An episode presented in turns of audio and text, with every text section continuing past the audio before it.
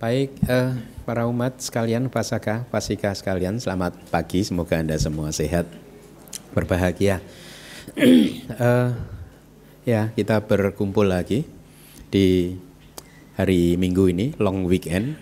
Biasanya umat di Jakarta kalau long weekend dia udah traveling gitu.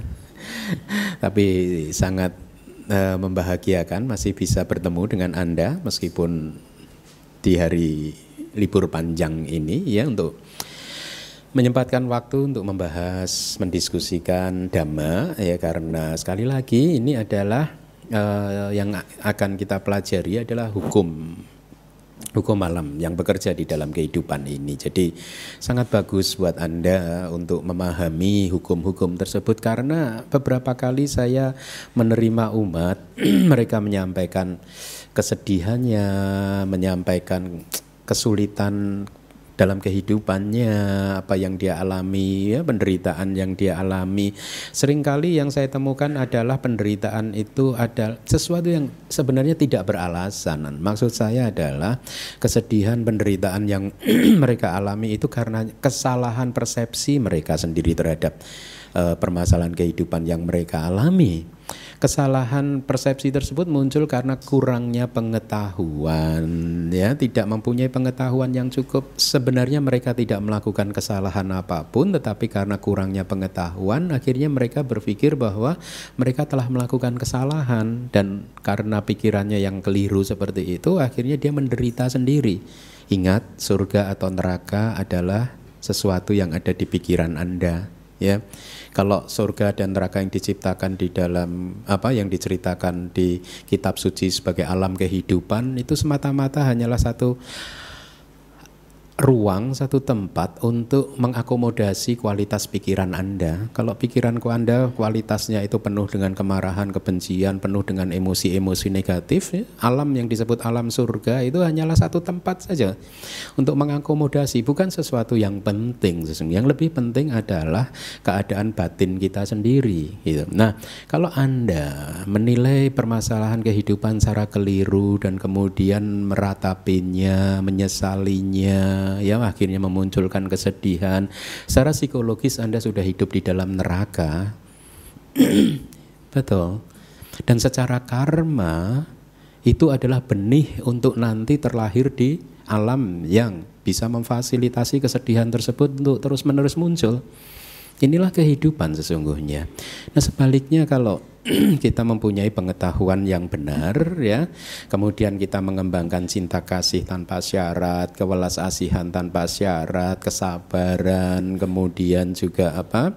kebijaksanaan, kemurahan hati. Maka lihatlah pada saat itu Meskipun kita adalah seorang manusia, tetapi kita adalah seorang manusia yang hidupnya di alam surga. Karena suasana hati kita sangat positif, sangat baik, ya sangat penuh cinta kasih, uh, selfless, tidak mementingkan diri sendiri ya senantiasa melakukan sesuatu untuk kebahagiaan semua makhluk itu adalah surga bahwa nanti setelah kehidupan ini nanti kita terlahir di surga itu hanyalah alam saja, tetapi yang lebih penting adalah suasana hati Anda.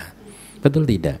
Jadi sekali lagi surga, neraka, jangan pernah khawatir lah dengan surga dan neraka dan saya mengatakan ini dari kemarin juga saya mengatakan kepada umat bahwa sejak saya mengenal Dhamma mungkin 15-16 tahun yang lalu di mana ada saya merasa banyak pandangan kehidupan saya berubah dan sejak malam hari itu sampai hari ini saya tidak pernah membebani pikiran saya dengan konsep surga dan neraka. Sudah tidak ada ketakutan-ketakutan lagi. Paham? Karena saya tahu bahwa surga dan neraka adalah batin saya. Paham nggak? Ya. Jadi apa yang harus saya lakukan untuk menciptakan surga dan menghindari neraka? Selama kehidupan ini saya terus-menerus mengembangkan kualitas-kualitas hati yang baik. Ya, saya memurnikan sila-sila saya secara perlahan-lahan terus gitu. Saya hindari perbuatan-perbuatan yang jahat. Jadi meskipun saya ini saat ini belum terlahir di surga, tapi hidup saya sudah seperti di dalam surga.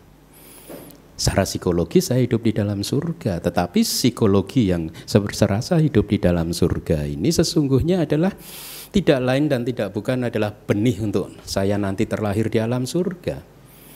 Jadi kelahiran kita nanti di mana itu itulah mengapa Buddhism tidak pernah memusatkan perhatiannya pada setelah ini nanti Anda akan terlahir di mana. Udah nggak penting. Itu adalah future, masa depan. Tidak begitu penting. Yang lebih penting adalah saat ini. Jadi Anda lihat sekarang poin pentingnya kenapa kita harus memikirkan saat ini. Karena surga dan neraka itu diciptakan di saat sekarang, bukan besok. Hmm? Inilah mengapa kalau seseorang senantiasa memikirkan future besok lah saya nggak apa-apa menderita selama jadi manusia miskin nggak apa-apa dicaci maki orang nggak apa-apa ya dikucilkan orang nggak apa-apa toh nanti saya dijanjikan kehidupan di surga tidak seperti itu. Itu artinya seseorang memperlakukan agama seperti opium katanya si Karl Marx itu. Anda pernah mendengar? Religion is the opium of the masses. Hmm? Karena memabukkan. Paham nggak? susah hidupnya selama jadi manusia susah menderita gitu tapi dia berkhayal nggak apa-apa lah menderita saat ini kan nanti masuk surga huh? no religion is not for that. Religion untuk merealisasi surga di saat sekarang ini. Kalau di saat sekarang ini saja seseorang sudah seperti hidup di dalam neraka bagaimana mungkin nanti dia lahir di surga? Hmm, karena kehidupan nanti adalah efek dari apa yang ada di dalam suasana batin kita saat ini. Dan inilah mengapa Buddhism selalu mendorong kita untuk menjadi manusia yang bermoral. Ini yang menarik buat Buddhism dan ini salah satu alasan terkuat saya untuk embracing Buddhism. Kenapa? Karena saya harus jujur terhadap kehidupan saya. Sejak kecil saya menjadi seorang yang religius. Tetapi pada saat umur 27 tahun saya menjadi seorang pemberontak dalam artian mempertanyakan keyakinan saya. Sudah sekian lama saya embracing my former religion, tapi tidak ada perubahan apa-apa. Saya masih menderita seperti manusia yang dulu ya. Emosi saya masih meledak-ledak ya. Masih sering muncul. Lalu saya merasa tidak puas dengan diri saya pada waktu itu. Dan beruntung sekali karena jiwa pemberontak saya, saya akhirnya mencari sesuatu yang lain yang bisa membuat saya berubah sesuai dengan apa yang menjadi target kehidupan saya. Sehingga pada saat saya pada suatu hari bermeditasi dan saya merasa ini jalan saya. Dan sejak hari itu sampai hari ini saya keep up terus. Saya akan tegakkan terus pola hidup yang seperti ini jadi menjadi seorang yang bermoral tanpa harus menggantungkan kehidupan saya kepada makhluk lain. Menarik nggak? Karena kehidupan saya adalah tanggung jawab saya, bukan tanggung jawab makhluk lain di mana pun dia berada. Kehidupan Anda adalah tanggung jawab Anda. Ya, Lalu bagaimana kalau kehidupan itu menjadi tanggung jawab kita, ya? Bagaimana kita harus menciptakan kehidupan yang indah? Bagaimana kita harus menciptakan kehidupan yang baik? Syarat utama yang paling penting adalah Anda harus mempunyai pengetahuan kitab suci kita mempunyai pengetahuan Tipitaka. Dan inilah mengapa Anda sudah mengenal saya, sudah lima tahun saya berdiam pulang kembali ke Indonesia. Sejak hari pertama pulang ke Indonesia sampai hari ini boleh dikatakan saya tidak pernah beristirahat untuk menyebarkan kitab suci.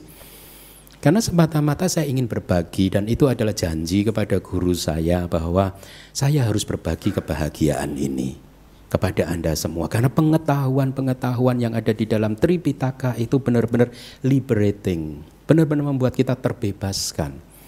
Banyak beban-beban kehidupan Anda akan bisa Anda lepaskan pada saat Anda sudah benar-benar mempelajari Tripitaka. Memang benar karena luasnya Tripitaka, volumenya yang besar yang dikatakan 11 kali lebih banyak dari Bible perjanjian lama dan perjanjian baru. Itulah mengapa itu baru kitab induknya saja.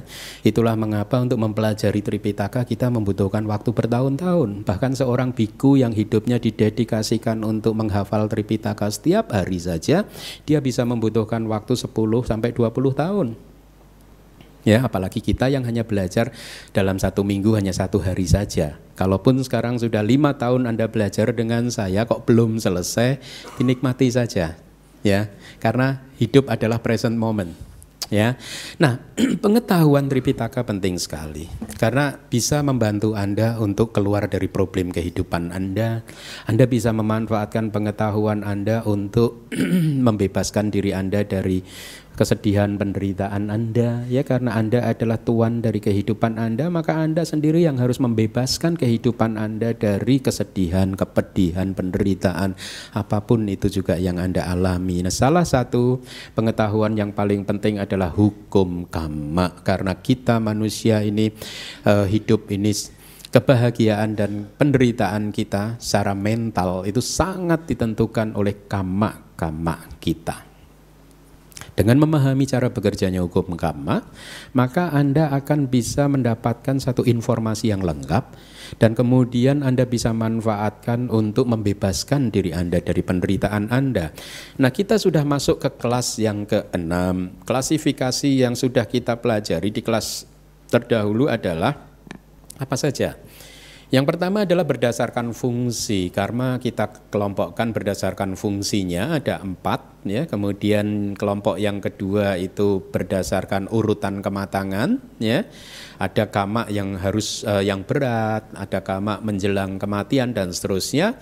Kemudian kelompok yang ketiga itu berdasarkan waktu, ya. Kita kelompokkan kama berdasarkan waktu, artinya ada kama tertentu yang diperbuat di kehidupan kali ini dan harus berbuah di kehidupan kali ini juga. Ada kama tertentu yang lain kalau diperbuat di kehidupan kali ini dan kemudian kalau mendapat kesempatan, nah ini penting. Kalau mendapat kesempatan, kalau ada kondisi yang menyuburkannya, kama baru berbuah. Ya, Pengetahuan seperti ini dulu pada waktu saya pertama kali mempelajari itu saya seperti tiba-tiba lega. Kenapa? Oh ternyata tidak semua karma tidak harus berbuah, betul tidak? Saya jadi teringat berarti kama buruk saya yang dulu-dulu nggak harus berbuah kan? Iya, saya lah happy gitu. Tapi sebentar aja kemudian ingat, oh berarti kamar baik saya juga nggak harus berbuah ya. ya tetapi apa pun ya bahwa kama tidak harus berbuah itu sudah cukup membebaskan kita dari stres secara psikologis, depresi ya. Kalau Anda berbuat salah berbuat kejahatan kan sering kali aduh Bante saya berbuat kesalahan, saya berbuat kejahatan, saya sudah ini, saya sudah begitu, saya sudah memarahi anak saya, suami saya, istri saya, saya menyesal Bante ini gimana Bante. Anda ketakutan dihantui bahwa karma Anda itu pasti berbuah. Betul tidak?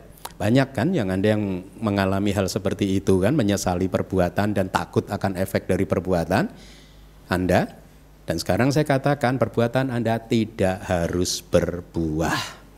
Jadi lupakan yang masa lalu.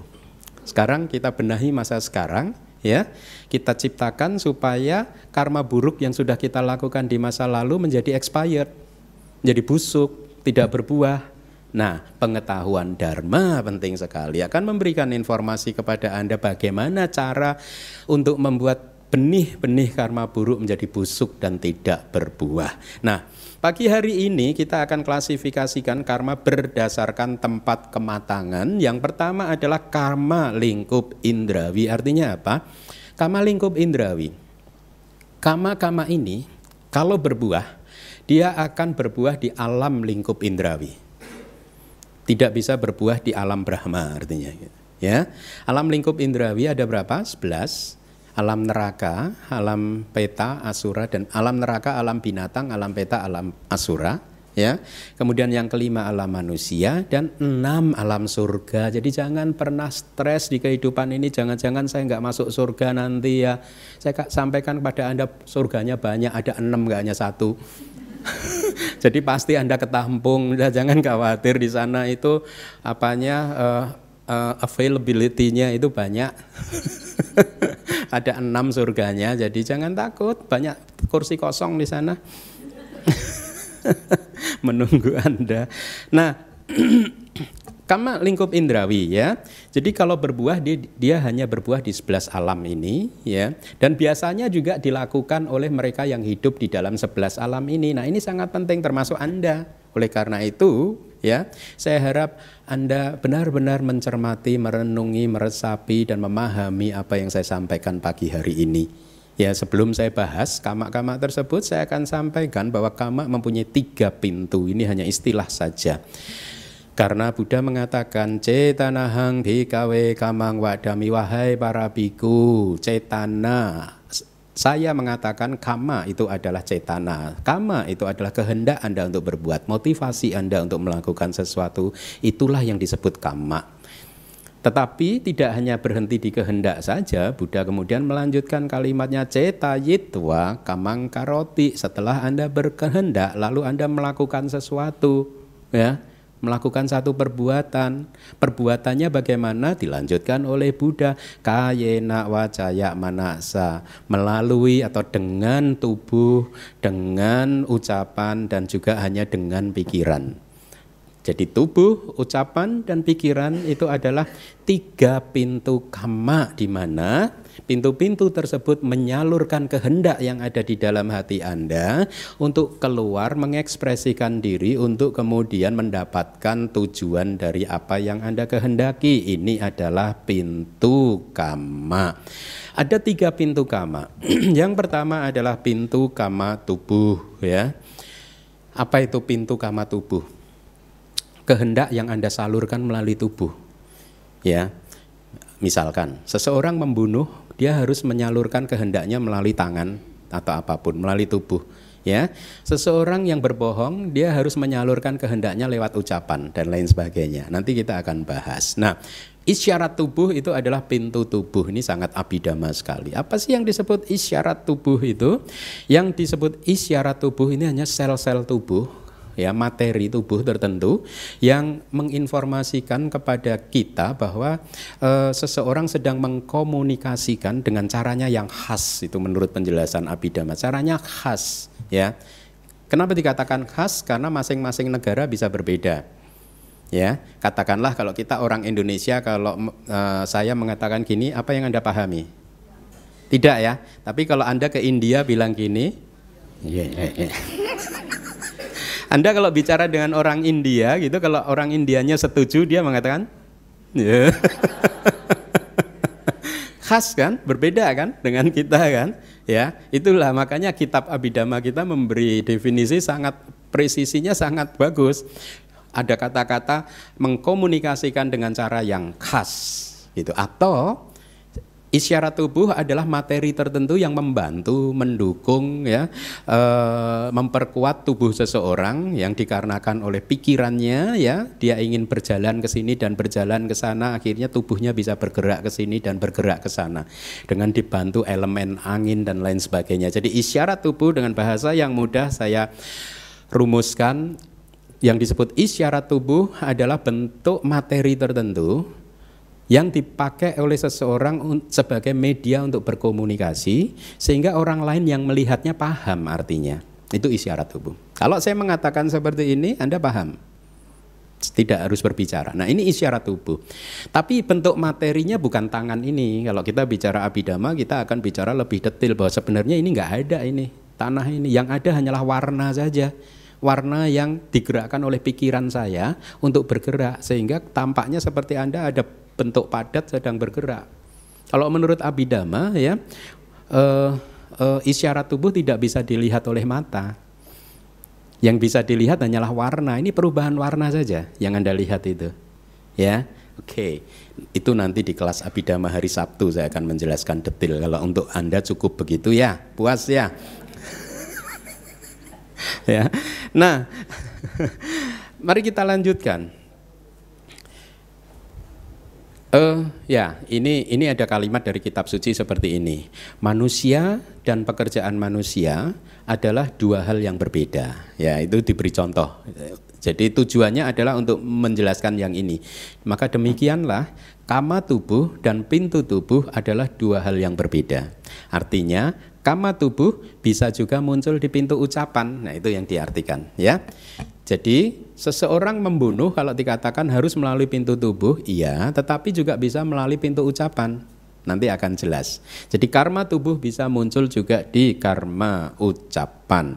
Disebut sebagai pintu kama tubuh karena biasanya kama tubuh muncul di pintu tubuh bukan di pintu ucapan meskipun bisa juga muncul di pintu ucapan tetapi sering kali atau biasanya muncul hanya di pintu tubuh bukan di pintu ucapan maupun di pintu e, batin. Itu pintu kama tubuh. Sekarang pintu kama yang kedua adalah pintu kama ucapan. Sama itu adalah isyarat kalau tadi isyarat tubuh maka pintu kama ucapan adalah isyarat ucapan apa itu artinya jenis sel-sel tubuh tertentu, materi tubuh tertentu yang diciptakan oleh pikiran. Jadi kalau di Abhidhamma begini, sekarang saya akan mengatakan kama itu muncul dari pikiran saya dulu. Pikiran saya berpikir saya ingin berkata-kata kama. Dari pikiran saya ada salah satu energi batin yang disebut witaka ya. Itu uh, apa penerapan awal ya, satu cetasika dia muncul dan pada saat dia muncul dia uh, membentur materi-materi tertentu ada difusi di dalam materi-materi tertentu di dalam tubuh sehingga ide kama muncul pada saat witaka ini membentur kama belum bisa anda dengarkan tetapi hanya bisa saya dengarkan melalui batin saya. Paham ya? Kalau Anda mau mengatakan sesuatu pada awalnya kan hanya bisa didengar oleh batin Anda saja kan? Ya tidak. Nah, kemudian langkah kedua, pada saat pikiran itu Anda teruskan, dia akan memproduksi materi-materi tertentu, salah satunya elemen tanah. Elemen tanah yang keras ini yang diciptakan oleh pikiran Anda berbenturan dengan elemen tanah di dalam kerongkongan tenggorokan Anda yang diciptakan oleh kama-kama masa lalu Anda berbenturan sehingga bisa berbunyi kama. Menarik ya? Ciptaan pikiran. Hmm? Menarik kan? Datang hari Sabtu di kelas abidama. ya, nah itu isyarat ucapan. Ya, jadi Uh, kemudian pintu yang ketiga adalah pintu kama batin.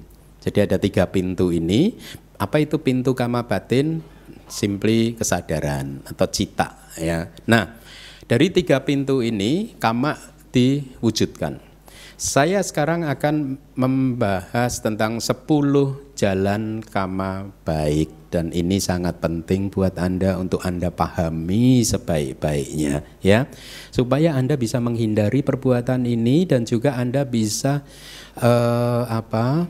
Uh, membebaskan diri Anda dari depresi karena pikiran-pikiran yang salah yang seperti tadi saya sebutkan ya. Ada kalimat jalan di sana ya tidak semata-mata 10 kama buruk tetapi 10 jalan kama buruk. Istilah jalan itu muncul pada saat seseorang melakukan kama dan semua faktor-faktor kama tersebut dipenuhi. Nanti akan kita bahas apa itu faktor-faktor kama ya. Pada saat semua faktornya terpenuhi maka kama menjadi jalan. Jalan kama. Efeknya apa kalau dia menjadi jalan kama? Efeknya adalah dia bisa menjadi kama produktif. Untuk bisa memproduksi kelahiran kembali atau juga bisa memproduksi penderitaan dan kebahagiaan di sepanjang kehidupan. Sebaliknya, kalau kama tertentu faktornya katakanlah ada lima faktor, satu faktor tidak terpenuhi, dia tidak bisa menjadi jalan kama. Dia tidak bisa menjadi kama produktif, tetapi dia akan menjadi kama pendukung atau kama penghancur atau kama apa? Uh, pengganggu, penghalang. Kita udah belajar itu kan. Contoh nih, seseorang terbiasa ingin menyakiti makhluk lain, tetapi faktornya tidak terpenuhi, ya. Meskipun faktornya tidak terpenuhi, tetapi kan kemarahan sudah sempat muncul. Akhirnya kemarahan dia ini menjadi kama penghalang menghalangi kebahagiaan dia. Sangat mudah dipahami ya. Mereka yang suka marah-marah, ya, kama marah-marahnya itu akan berbuah dengan menghalangi kebahagiaan mereka meskipun mereka adalah orang yang sukses di dalam kehidupan ini, orang yang kaya raya, orang yang ganteng, orang yang cantik, tapi karena pemarah maka karma-karma kemarahannya menghalangi kebahagiaan dia, memperpendek kebahagiaan dia dan lain sebagainya.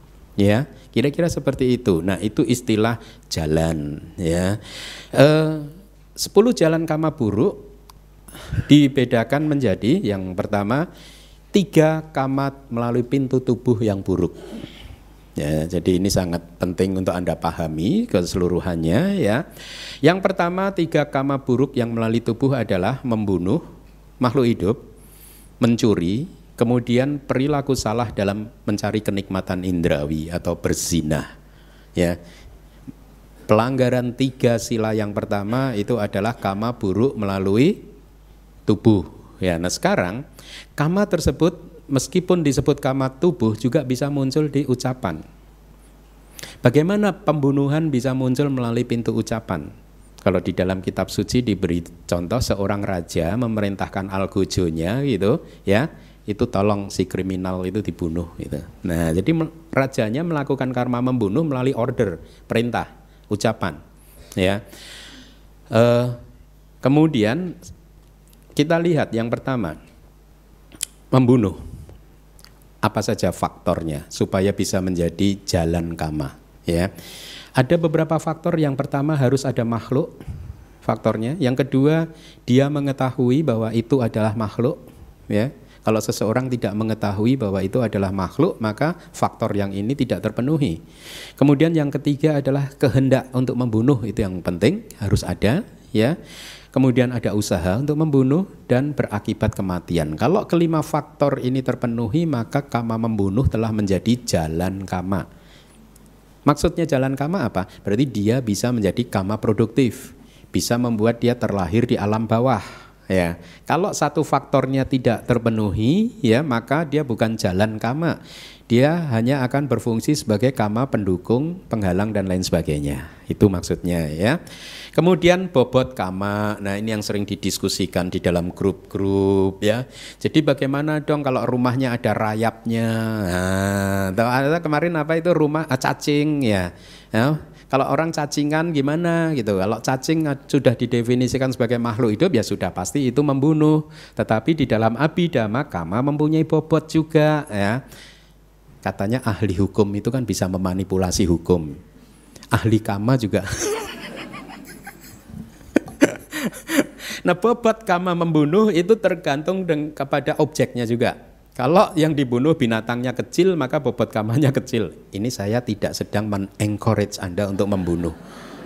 Ya, tidak. Tapi inilah hukum yang bekerja. Kalau objeknya binatangnya kecil, maka kual, uh, bobot kamanya kecil, binatangnya besar, bobot kamanya besar. Kemudian kalau objeknya itu manusia, Tergantung lagi kepada objeknya. Kalau manusianya bermoral, nah berbahaya. Ya. Kalau manusianya tidak bermoral, berarti bobotnya kecil, bukan berarti Anda harus membunuh yang tidak bermoral loh ya. ya, saya tidak mendorong Anda untuk melakukan hal seperti itu. Apabila kualitas objeknya sama, moralnya sama, maka kemudian bobotnya dibedakan ke dalam uh, besar kecil usaha dan kilesa yang terlibat. Maksudnya begini, seberapa intens usaha Anda untuk uh, seseorang untuk menghancurkan kehidupan makhluk lain. Ya, dengan kilesa yang sebesar apa, sekuat apa, dengan kemarahan yang sekuat apa. Kan ada kan seseorang membunuh semut dengan kemarahannya sedikit, ada seseorang membunuh semut dengan mm, marah sekali gitu. Nah, bobotnya berbeda. Bukan dinilai dengan semut oleh semutnya saja, tapi oleh usaha dan oleh emosi yang terlibat di dalam pembunuhan tersebut, ya. Nah, eh, saya tadi katakan kalau empat faktor itu tidak terpenuhi maka dia bukan jalan kama ya. Nah sekarang membunuh itu bisa melalui pintu tubuh dan juga ucapan ya. Kalau di dalam kitab suci kita begini, Seseorang bermaksud untuk membunuh uh, rusa, ya. Dia bermaksud untuk membunuh rusa, kemudian sudah mempersiapkan senjatanya. Dia ingin berburu ke hutan, tetapi begitu masuk hutan, ya, ternyata dia tidak dapat rusa satupun. Jadi bukan jalan kama membunuh, tetapi unsur yang lain sudah terpenuhi. Jadi artinya apa? Dia tetap saja melakukan kama buruk, ya perilaku buruk, tetapi melalui uh, uh, bukan kama tubuh buruk, bukan, tetapi dia semata-mata hanya perilaku tubuh yang buruk. Sudah ada kehendak, ingin membunuh rusa, senjata sudah disiapkan, usaha sudah dilakukan, tapi begitu masuk hutan tidak ketemu rusa, beruntunglah si rusa itu. Ya, jadi dia tidak jadi melakukan karma buruk, membunuh, tetapi apa? Perilaku tubuh yang buruk, kayak ducarita bahasa palinya. Efeknya ada, dia nanti akan menjadi kama pendukung yang akan mendukung penderitaan Anda, kama penghalang yang akan menghalangi kebahagiaan Anda dan seterusnya efeknya ada tetap ya. Jadi jangan bahagia oh berarti selama ini banyak kama saya yang bukan kama jalan ya. Meskipun bukan jalan dia akan mendukung penderitaan. Kan kita udah belajar ya. Kama buruk akan mendukung apa? Penderitaan kan? Mendukung buah karma buruk. Kama buruk akan menghalangi apa? Menghalangi buah kama baik. Kan begitu ya teorinya. Nah, eh, di kitab suci ini juga menarik ini. Ada pertanyaan, apakah kama membunuh tidak bisa melalui pintu batin? Kenapa hanya pintu tubuh dan ucapan? Di, dipertanyakan oleh salah satu kelompok sektarian 2600 tahun yang lalu pada waktu Buddha mengatakan ini hanya kama tujuh, tubuh dan ucapan di kitab komentar dibahas ada kelompok sektarian yang menanyakan loh emak kama buruk kan eh, kama membunuh kan juga bisa dilakukan lewat batin Terus dijawab oleh murid-murid Buddha tidak bisa. Kama membunuh tidak bisa melalui batin.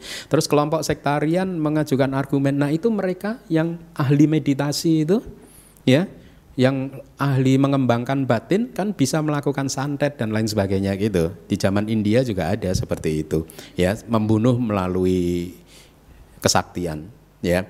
Dikatakan oleh murid Buddha no, pembunuhan seperti itu bukan pembunuhan melalui meditasi.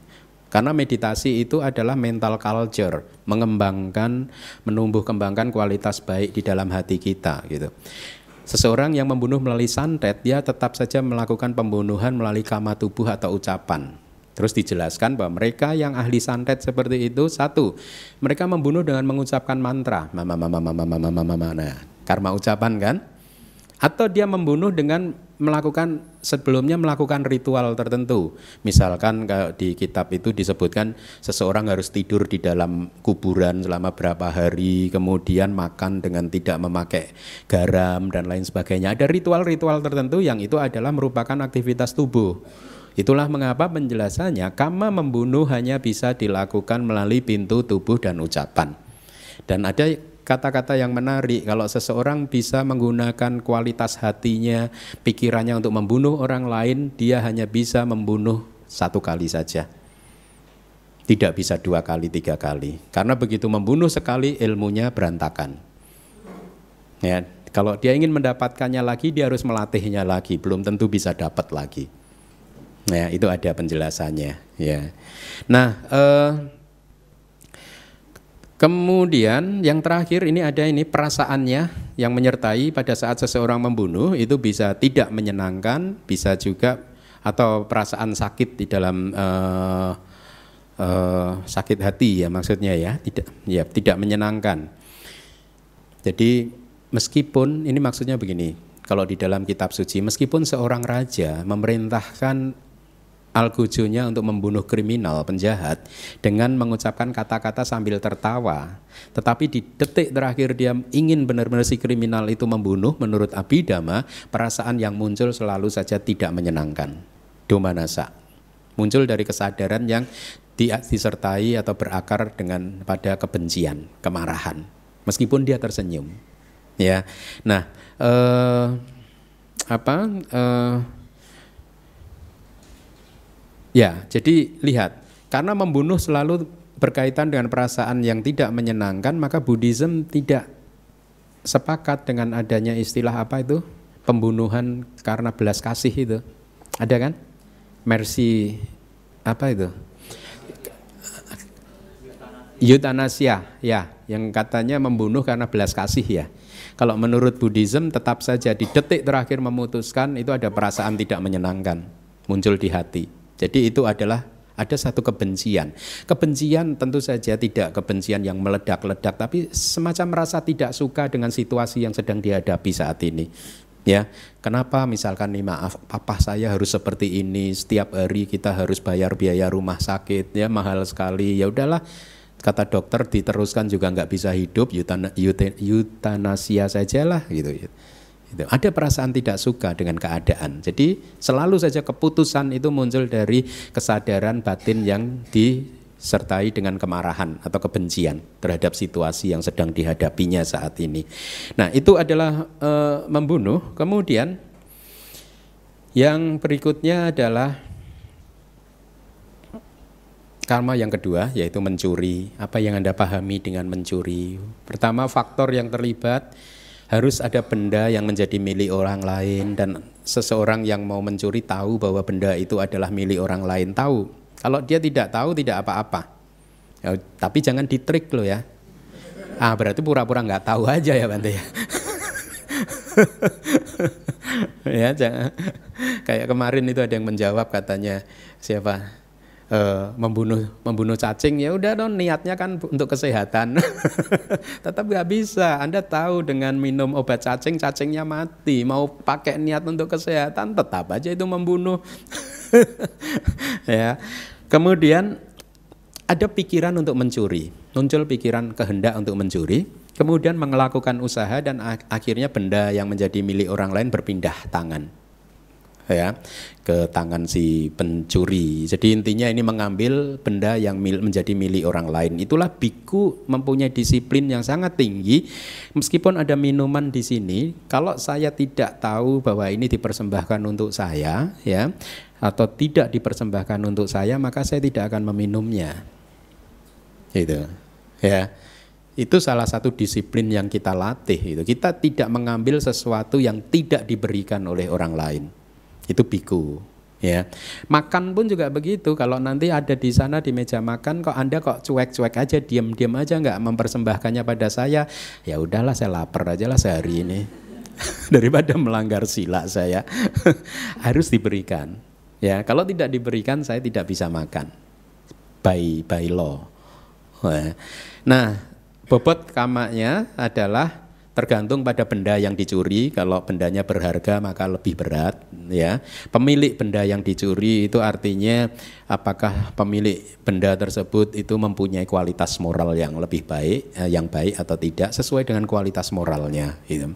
perasaan yang menyertainya bisa menyenangkan bisa tidak menyenangkan bisa juga netral. Bagaimana itu?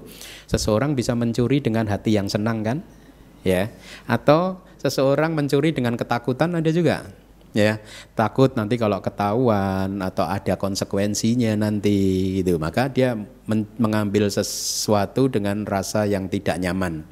Kemudian bisa juga dengan netral. Ya udah itu itu yang kleptomania itu kan gitu. Netral netral aja deh. Ya. Kemudian akarnya adalah dari kebencian dan delusi atau keserakahan dan delusi. Artinya seseorang bisa mencuri karena kebencian loh Ya, misalkan nih, seseorang tidak suka dengan orang lain, ya, kemudian dia ingin menghancurkan kebahagiaannya orang lain, akhirnya orang ini mencoba mengambil handphone katakanlah dari orang tersebut, sebenarnya dia tidak ingin tidak menginginkan handphonenya, dia hanya ingin membuat korbannya menderita saja, gitu. Jadi ada kebencian di sana. Tapi tentu saja juga ada juga eh, bisa juga muncul dari keserakahan kalau dia benar-benar menginginkan handphonenya, ya. Kemudian yang ketiga, kamak melalui tubuh yang buruk adalah perilaku salah dalam mencari kenikmatan indrawi atau sering diberi istilah bersinah ya. E, faktor-faktornya adalah ada pikiran untuk menikmati objek terlarang. Nah, ini ada objek terlarang itu nanti akan saya jelaskan. Ada usaha untuk menikmatinya, kemudian ada alat untuk mendapatkannya dan hasilnya uh, terjadi itu kepemilikan itu artinya akhirnya terjadilah aktivitas persinahan gitu. Tadi ada objek terlarang di dalam kitab suci kita menjelaskan uh, objek terlarang itu kalau perempuan sayangnya di kitab suci yang disebut objek terlarang itu hanya perempuan. Ini menurut saya bias gender emang yang bisa memperkosa itu laki-laki doang. Emang perempuan nggak bisa ya?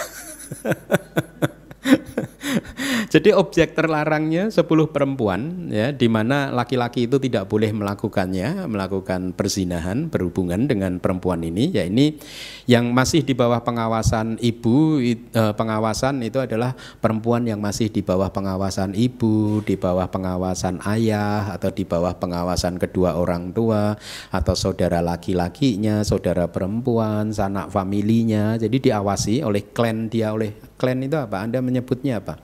Family itu apa? Family ya. Kemudian masih di bawah pengawasan guru spiritual dia atau perempuan yang sudah bertunangan dan perempuan yang sedang menjalani masa hukuman. Nah, dikatakan dua yang terakhir ini tidak boleh disentuh. Itu ya. E, untuk melakukan perbuatan mencari kenikmatan-kenikmatan indrawi, pelanggaran sila yang ketiga.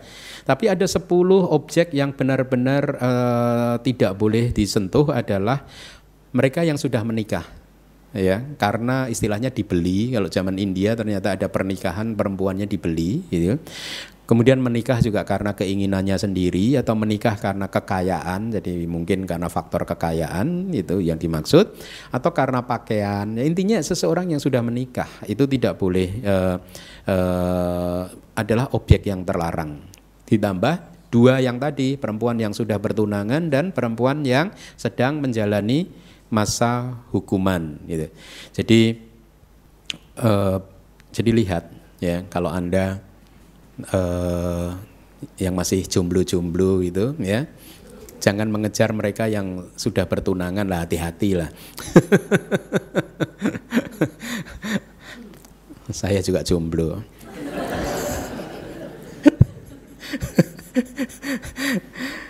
Mari kita lihat bobot kamanya.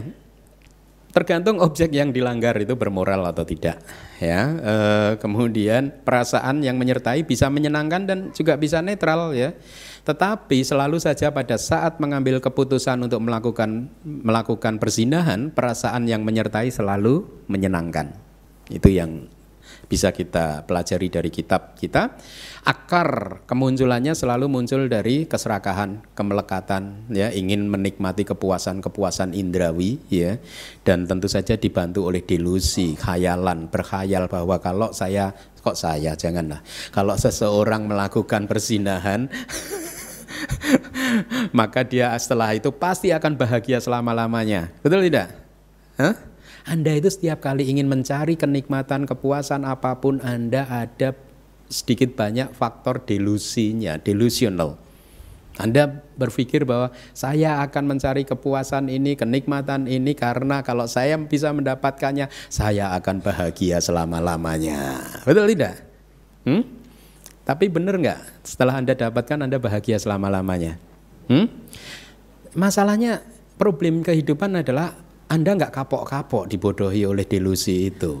Ya? Besok lagi mencari lagi gitu, mencari lagi, mencari lagi meskipun untuk mencarinya itu menggunakan apa pengorbanan yang sedemikian rupa. Tapi Anda menikmatinya gitu. Inilah problem psikologis manusia, menikmati untuk menjadi stres, depresi, menikmati untuk menjadi orang yang kualitas batinnya selalu tegang. Hmm? Anda menikmatinya. Seperti yang sudah pernah saya sampaikan, Anda nonton film bioskop, kalau nggak menegangkan Anda nggak suka kan? Hah? Nah Anda nggak sadar bahwa ketegangan-ketegangan itu sesungguhnya menghancurkan ketenangan, kedamaian, dan kebahagiaan Anda. Ada sumber lain yang lebih powerful untuk bisa hidup tenang, damai, bahagia, yaitu pada saat Anda bisa melatih batin Anda untuk tetap tenang, tidak bergejolak. Ya. Nah, mari kita lanjutkan yang lain. Masih ada beberapa lagi. Hmm, yang berbohong ya, baik benar. Berbohong, e, kama buruk melalui ucapan itu ada empat, memfitnah, eh, sorry berbohong, memfitnah, berkata-kata kasar, dan berkata-kata kosong. Ternyata bergunjing tidak tepat ya. Bergunjing itu menceritakan kejelekan orang lain toh. Ternyata bukan begitu. Ya berkata-kata kosong, berkata-kata omong kosong itu apa ya? Yang kata yang tepat ya, ha? Bercerita yang nggak bermakna gitu. Membual. Membual ya. Coba nanti Anda dengarkan. Saya kemarin berpikir kata-kata apa yang cocok ya gitu. Ya. Jadi kita masuk ke uh, kama buruk melalui ucapan, pintu kama yang bisa muncul itu tubuh dan juga ucapan. Ya, seseorang berbohong bisa melalui tubuh juga loh. Hmm? Misalkan nih, Anda tanya, Bante Keminda, Bante ini Bante ya? Saya jawab, saya berbohong kan melalui tangan saya kan. Benar nggak? Ya, kebohongan bisa muncul melalui tubuh juga. Ya, e, memfitnah berkata kasar dan berkata kosong juga bisa melalui pintu tubuh ya ya bisa menggunakan payung dan lain sebagainya itu dari kitab suci kita. Mari kita lihat berbohong faktor yang pertama adalah sesuatu yang tidak benar. Seseorang menyampaikan sesuatu yang tidak benar, kemudian ada kehendak untuk mengelabui, kemudian ada usaha, kemudian mengkomunikasikannya kepada orang lain dan akibatnya orang tersebut percaya. Lihat, ada sesuatu yang tidak benar dan ada kehendak untuk mengelabui. Itu penting sekali. Jadi artinya kalau Anda saat ini nanti pada saat uh, makan siang Anda bercakap-cakap dengan teman Anda dan kemudian uh, Anda mengatakan sesuatu yang Anda anggap benar ya eh keesokan harinya Anda merealisasi bahwa apa yang Anda katakan kemarin atau hari ini tadi itu adalah sesuatu yang salah maka Anda tidak bisa dikatakan sebagai seseorang yang telah berbohong melakukan kama berbohong mungkin secara hukum negara Anda bisa orang tersebut bisa dikatakan telah berbohong ya. Tetapi secara hukum kama dia tidak melakukan kama buruk berbohong. Hukum negara dan hukum karma bisa berbeda. Ya. Jadi itu maksudnya. Jadi harus ada kehendak untuk mengelabui. Ya, itu yang penting. E, kemudian bobot dari kamanya tergantung kepada dampak kehancuran yang diciptakannya ya. E, perasaan yang menyertainya bisa saja berbohong dengan perasaan senang hati bisa tidak senang atau juga netral. Kemudian akarnya selalu ada kebencian dan juga ada keserakahan. Ada seseorang yang berbohong demi untuk mendapatkan sesuatu tertentu karena untuk eh, memenuhi keserakahannya, untuk memenuhi nafsu-nafsunya ya. Maka akarnya bisa dosa dan moha atau loba dan moha gitu. Nah, pintu kama Tadi dikatakan bahwa berbohong itu sesungguhnya adalah karma melalui ucapan, tetapi bisa juga dilakukan melalui tubuh ya. Yakni misalkan seseorang kayak tadi saya, seseorang yang tahu bahwa sesungguhnya dia harus mengangguk tapi dia jawab dengan menggeleng kepala misalkan. Jadi berbohong tapi melalui uh, tubuh gitu. Nah, ucapan karma berbohong, memfitnah dan lain bisa juga muncul melalui ucapan dengan cara membujuk orang lain. Ya, membujuk orang lain untuk berbohong, membujuk orang lain untuk memfitnah, membujuk orang lain untuk berkata-kata kasar dan lain sebagainya. Jadi hati-hatilah gitu. Jangan dimanipulasi lah hukum karmanya. Oh berarti saya lewat orang lain aja Bante, berarti saya lolos. Enggak juga, Anda juga kena. kena hukum karmanya gitu. Nah, bobot kama tadi tergantung kepada dampak kehancurannya. Dibedakan dalam kitab suci kalau buat umat perumah tangga itu contohnya bobotnya kecil apabila nah ini saya katakan anda berbohong, bobotnya kecil apabila misalkan seseorang bertanya, kamu punya ini enggak? Nah Anda menjawab sebenarnya Anda punya, tapi karena Anda tidak ingin memberikannya kepada orang tersebut, Anda jawab enggak punya. Bobotnya kecil, aman. enggak ya, enggak aman ya, janganlah kalau bisa dihindari. Bobotnya besar itu apabila uh, seorang menjadi saksi di pengadilan udah di bawah sumpah dan dia melakukan kebohongan, maka bobot kama buruknya itu besar sekali. Ya. Nah, kalau seorang biku bobotnya kecil itu kalau dia ber, hanya untuk bercanda saja. Ya, dia bercanda misalkan nih seorang biku di dalam kitab suci pindah patah kalau zaman dulu umat suka berdana minyak, mungkin untuk lampu minyak dan lain sebagainya gitu. Hari itu dia berpindah patah, dia hanya dapat minyak sedikit saja gitu. Kemudian dia berkata kepada biku-bikunya lain, hari ini di desa ini minyaknya banyak seperti sungai mengalir gitu. Ya, padahal dia hanya untuk bercanda saja gitu. Sebenarnya dia dapatnya sedikit tapi dia bilang, "Wah, di desa ini hari ini pas loh nih minyaknya banyak gitu." hanya kayak sindiran untuk bercanda saja. Nah itu bobotnya kecil, tapi bobotnya besar kalau dia mengatakan sesuatu yang dia tidak melihat. Gawat ya biku ya. Dia tidak melihat mengatakan dia sudah melihat itu itu bobotnya besar. Itu. Ya. Mari kita lanjutkan. Kama berikutnya yang kelima adalah memfitnah ya. Faktornya adalah orang lain ada orang lain yang hendak dipecah belah. Jadi memfitnah itu adalah memecah belah persahabatan. Ada dua orang bersahabat, kemudian ada pihak ada pihak ketiga yang berusaha untuk menghancurkan persahabatan ini melalui ucapan dengan difitnah salah satunya atau bahkan dua-duanya. Jadi faktornya harus ada orang lain yang hendak dipecah belah. Kemudian ada tujuan ya bahwa mereka harus dipisahkan. Ya, Anda nggak suka melihat ada dua orang bersahabat dan Anda pisahkan. Kemudian atau keinginan untuk mendapat simpati dari orang lain. Kadang ya ada orang suka seperti itu ya, memfitnah supaya dia di dipuji-puji oleh orang lain gitu. Uh, supaya disayangi dan menjadi akrab dengan orang lain. Kemudian ada usaha untuk memfitnah dan juga dikomunikasikan usahanya tersebut ya. Uh, jadi dari faktor ini nanti akan berdampak pada hilangnya kalau dalam kitab suci kita disebutkan hilangnya cinta dan kasih serta persahabatan antara dua orang tersebut. Itu efeknya ya. Uh, bobotnya itu menjadi jalan kama apabila berhasil. Dia memecah belah. Kemudian apabila tidak berhasil maka kama tersebut bukan menjadi jalan kama yang lengkap gitu. Jadi kalau meskipun sudah melakukan fitnahan tetapi dua sahabat ini masih tetap bersahabat maka dia bukan jalan kama memfitnah. Ya tidak bisa menjadi kama produktif itu artinya. Perasaan yang menyertainya bisa menyenangkan bisa tidak menyenangkan dan bisa netral gitu. berapa banyak dari anda yang memfitnah dengan perasaan menyenangkan? Jangan dijawab nanti membongkar rahasia anda Enggak pernah bantu. Berbohong dong. Jadi ada yang melakukannya dengan perasaan menyenangkan, ya, ada yang tidak senang, ada juga yang netral. Akarnya adalah kebencian dan delusi atau keserakahan dan delusi. Baik, kita lanjutkan lagi. Yang keenam berkata kasar. Ini menarik. Faktornya adalah ada orang lain yang hendak disakiti. Hmm. Ya, Kemudian ada pikiran penuh kemarahan, ada tindakan yang menyakiti dengan eh, kata-kata. Gitu.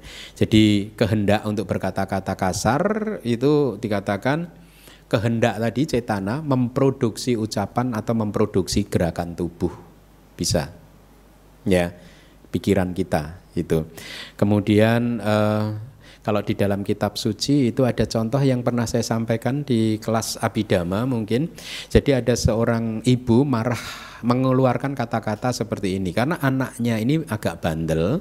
Setiap hari dia hobinya pergi keluar masuk di ke hutan, sementara di hutan itu kan tidak aman. Nah, hari tersebut mamahnya mengatakan kalau kamu hari ini masuk ke hutan, mama sumpahin kamu diserutu kerbau. Nah singkat cerita begitu dia masuk ke hutan dia ada kerbau menghadang dia mau menyerutuk dia. Tiba-tiba dia diam dan merenung. Semoga apa yang ada di hati mama saya yang terjadi bukan apa yang diucapkannya yang terjadi. Dan singkat cerita, kerbonya dari tadinya mau menyerutuk tiba-tiba diam. Happy ending story pergi kerbonya. Jadi ini hanya hanya contoh di dalam kitab komentar kita untuk menjelaskan bahwa si ibu tadi tidak sedang mengucapkan kata-kata kasar karena hatinya lembut hatinya penuh kelembutan. Dia hanya istilahnya itu apa? Hanya memberikan nasihat dengan caranya dia supaya anaknya nggak masuk ke hutan. Sama kalau di Myanmar itu saya do saya do kalau mengajar sama nera kecil itu suka bawa pentungan loh. Bener gitu. Kalau ada sama nera kecil gitu ada ada apa itu tongkat gitu ya. Kalau nakal gitu di ini kan gitu. Tapi saya yakin tidak marah dia. Dia hanya ingin mendidik saja supaya belajar lebih tekun, belajar disiplin, kan anak kecil kan. Di Myanmar kan banyak sekali sama nera yang umurnya lima tahun, enam tahun. Hmm? Jadi bayangkan bisa dimengerti kalau saya do saya do biku-biku mengajar dengan membawa pentungan gitu. Ya. Anda sebagai orang tuanya aja pada waktu punya anak lima empat tahun aja kan kesulitan kan mendidik kan. Apalagi saya do yang bukan orang tuanya langsung kan. ya. Ya, disebutkan karena di dalam kitab penjelasan kita. Jadi karena hatinya itu tidak ingin menyakiti, maka hal tersebut bukan merupakan karma buruk dengan mengucapkan kata-kata um, kasar gitu ya.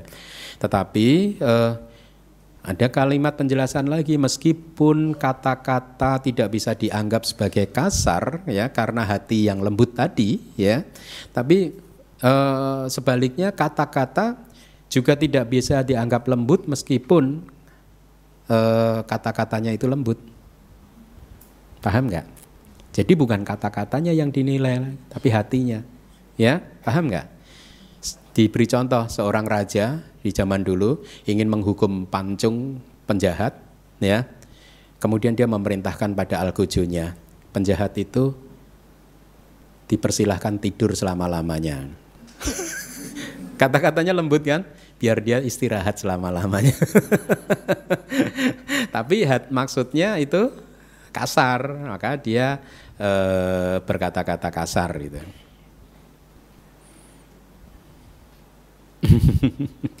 Tidurkanlah dengan tenang ya, itu kalimat di di di kitab suci kita gitu.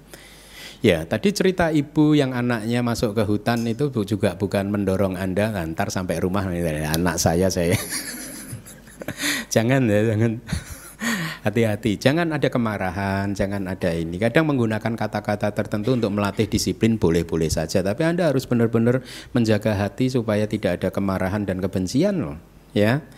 Nah, bobotnya Karma tersebut tergantung pada kualitas moral orang yang menerima kata-kata kasar tadi. Ya, ini contoh sepele ini. Kalau Anda memaki-maki pengemis, mungkin Anda nggak kena efek apa-apa. Tapi kalau jangan Anda lah, orang lain, orang ter, seseorang, eh, jari saya ke sana bukan ke situ loh ya, sana. Enggak, ke sana saya pastikan enggak kena siapa-siapa kan. Kalau orang tersebut memaki-maki pengemis, dia enggak kena dampak mungkin secara hukum juga. Ya. Tapi secara moral juga begitu. Anda eh, Anda lagi, dia lagi lah. Dia dia memaki-maki orang tidak bermoral, secara kama bobotnya lemah. Tapi dia memaki-maki biku misalkan, bobotnya berat. Tergantung bikunya juga dia bermoral enggak sih? Kalau bikunya nggak bermoral ya Anda lolos, aman, kecil bobotnya. Jangan dianggap biku selalu bermoral. Ya ada, tergantung winayanya. Perasaan selalu tidak menyenangkan pada saat mengucapkan kata-kata kasar. Ya, jadi ini menjadi standarnya. Akarnya selalu kebencian dan uh, kebencian saja ini dan delusi maksudnya bukan kata kasar. Kebencian dan delusi. Selanjutnya yang ketujuh adalah ini tadi berkata-kata kosong. Mari kita tentukan nanti kat, istilahnya apa yang lebih tepat ya. Faktornya adalah kecenderungan untuk berkata yang tidak bermanfaat dan kemudian berusaha untuk menceritakannya. Itu faktornya. Jadi cerita yang tidak bermanfaat. Gitu.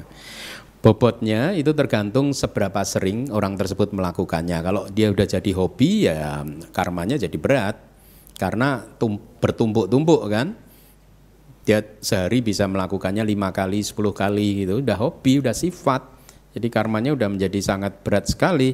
Perasaan bisa menyenangkan, tidak menyenangkan atau netral ya. Jadi ini saya mohon maaf dengan mereka yang beragama Hindu tapi ini ada di kitab suci kita. Jadi untuk memberi contoh berkata-kata kosong seorang di, seseorang di zaman India dulu menceritakan cerita-cerita tentang Mahabharata dan Ramayana itu. Jadi itu dianggap di dalam Buddhism itu berkata-kata kosong karena dianggap ini cerita yang sebenarnya hanya cerita saja gitu. Atau seperti Pak uh, apa ya? Uh, seseorang yang su suka bercerita gitu ya.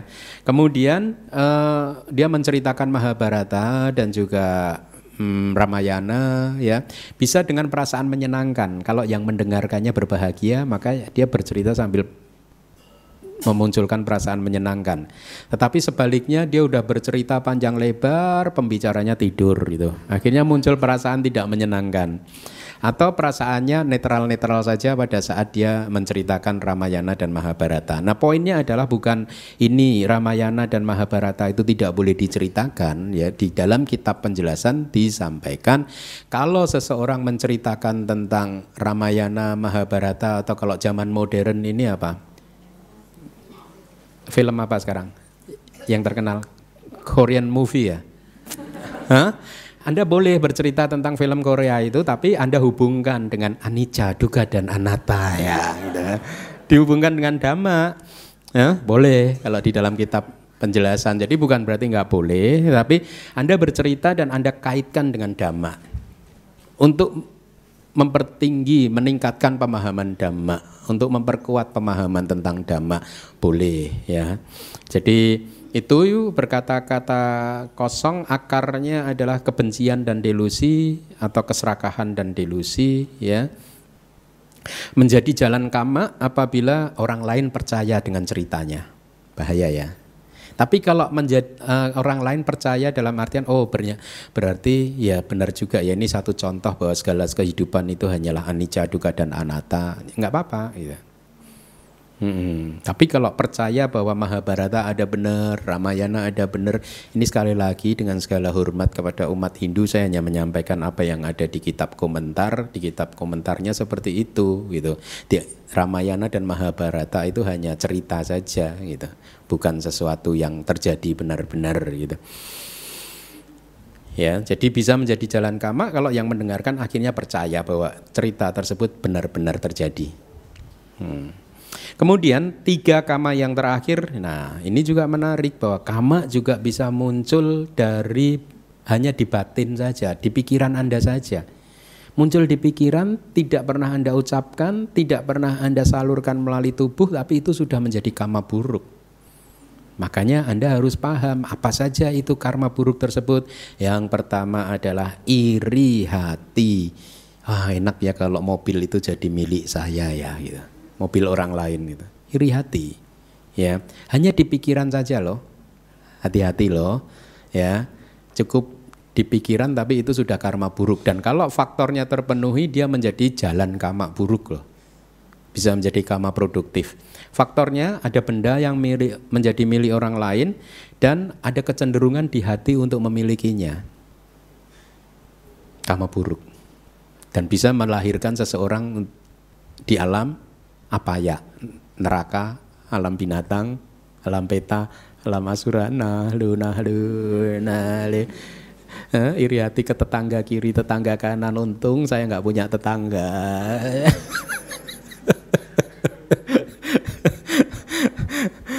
Bobotnya sesuai dengan benda yang diinginkan. Nah, dan pemilik benda tadi, moralnya ya, maksudnya kualitas moralnya seperti apa. Jadi Walaupun keserakahan mungkin muncul pada saat seseorang itu melihat barang orang lain tetapi tidak akan menjadi jalan kama, kama produktif apabila tidak memunculkan pikiran iri hati tadi, ingin memiliki benda tersebut gitu. Perasaan yang muncul bisa menyenangkan, bisa juga netral, akarnya selalu dari keserakahan dan delusi ya. Uh, yang kesembilan, kehendak jahat Nah, ini juga hanya muncul di pikiran saja, tapi sudah bisa menjadi kama jalan kama buruk. Faktornya adalah ada makhluk lain dan yang kedua ada pikiran untuk menyakiti makhluk tersebut. Ya, bobotnya tergantung pada kualitas moral dari orang yang menjadi objeknya gitu. Atau kalau binatang tergantung besar kecilnya binatang, besar kecilnya usaha yang dilakukan, kilesa yang terlibat di dalam melakukannya, ya uh, di dalam memikirkan itu gitu. Kemudian uh, tidak ada usaha ya karena ini karma mental saja. Karma batin. Perasaannya selalu tidak menyenangkan jadi muncul dari akar dosa, kebencian dan delusi gitu. Jadi apa uh, kehendak untuk menyakiti makhluk lain ya untuk menghancurkan kebahagiaan makhluk lain. Ada teman kita sedang berbahagia kemudian muncul pikiran jahat. Hanya di pikiran kita saja ya yang tidak menyukai orang tersebut. Semoga dia segera berakhir kebahagiaannya dan berubah menjadi penderitaan selama-lamanya ya. Hanya pikiran-pikiran seperti itu itu sudah menjadi kama buruk jalan kama buruk ya. Kemudian uh, Iya. Sifat atau karakteristik dari kehendak jahat itu adalah batin yang tidak baik ya, yang ingin menyakiti makhluk lain, muncul dari kemarahan atau kebencian gitu. Bisa menjadi jalan kama ya.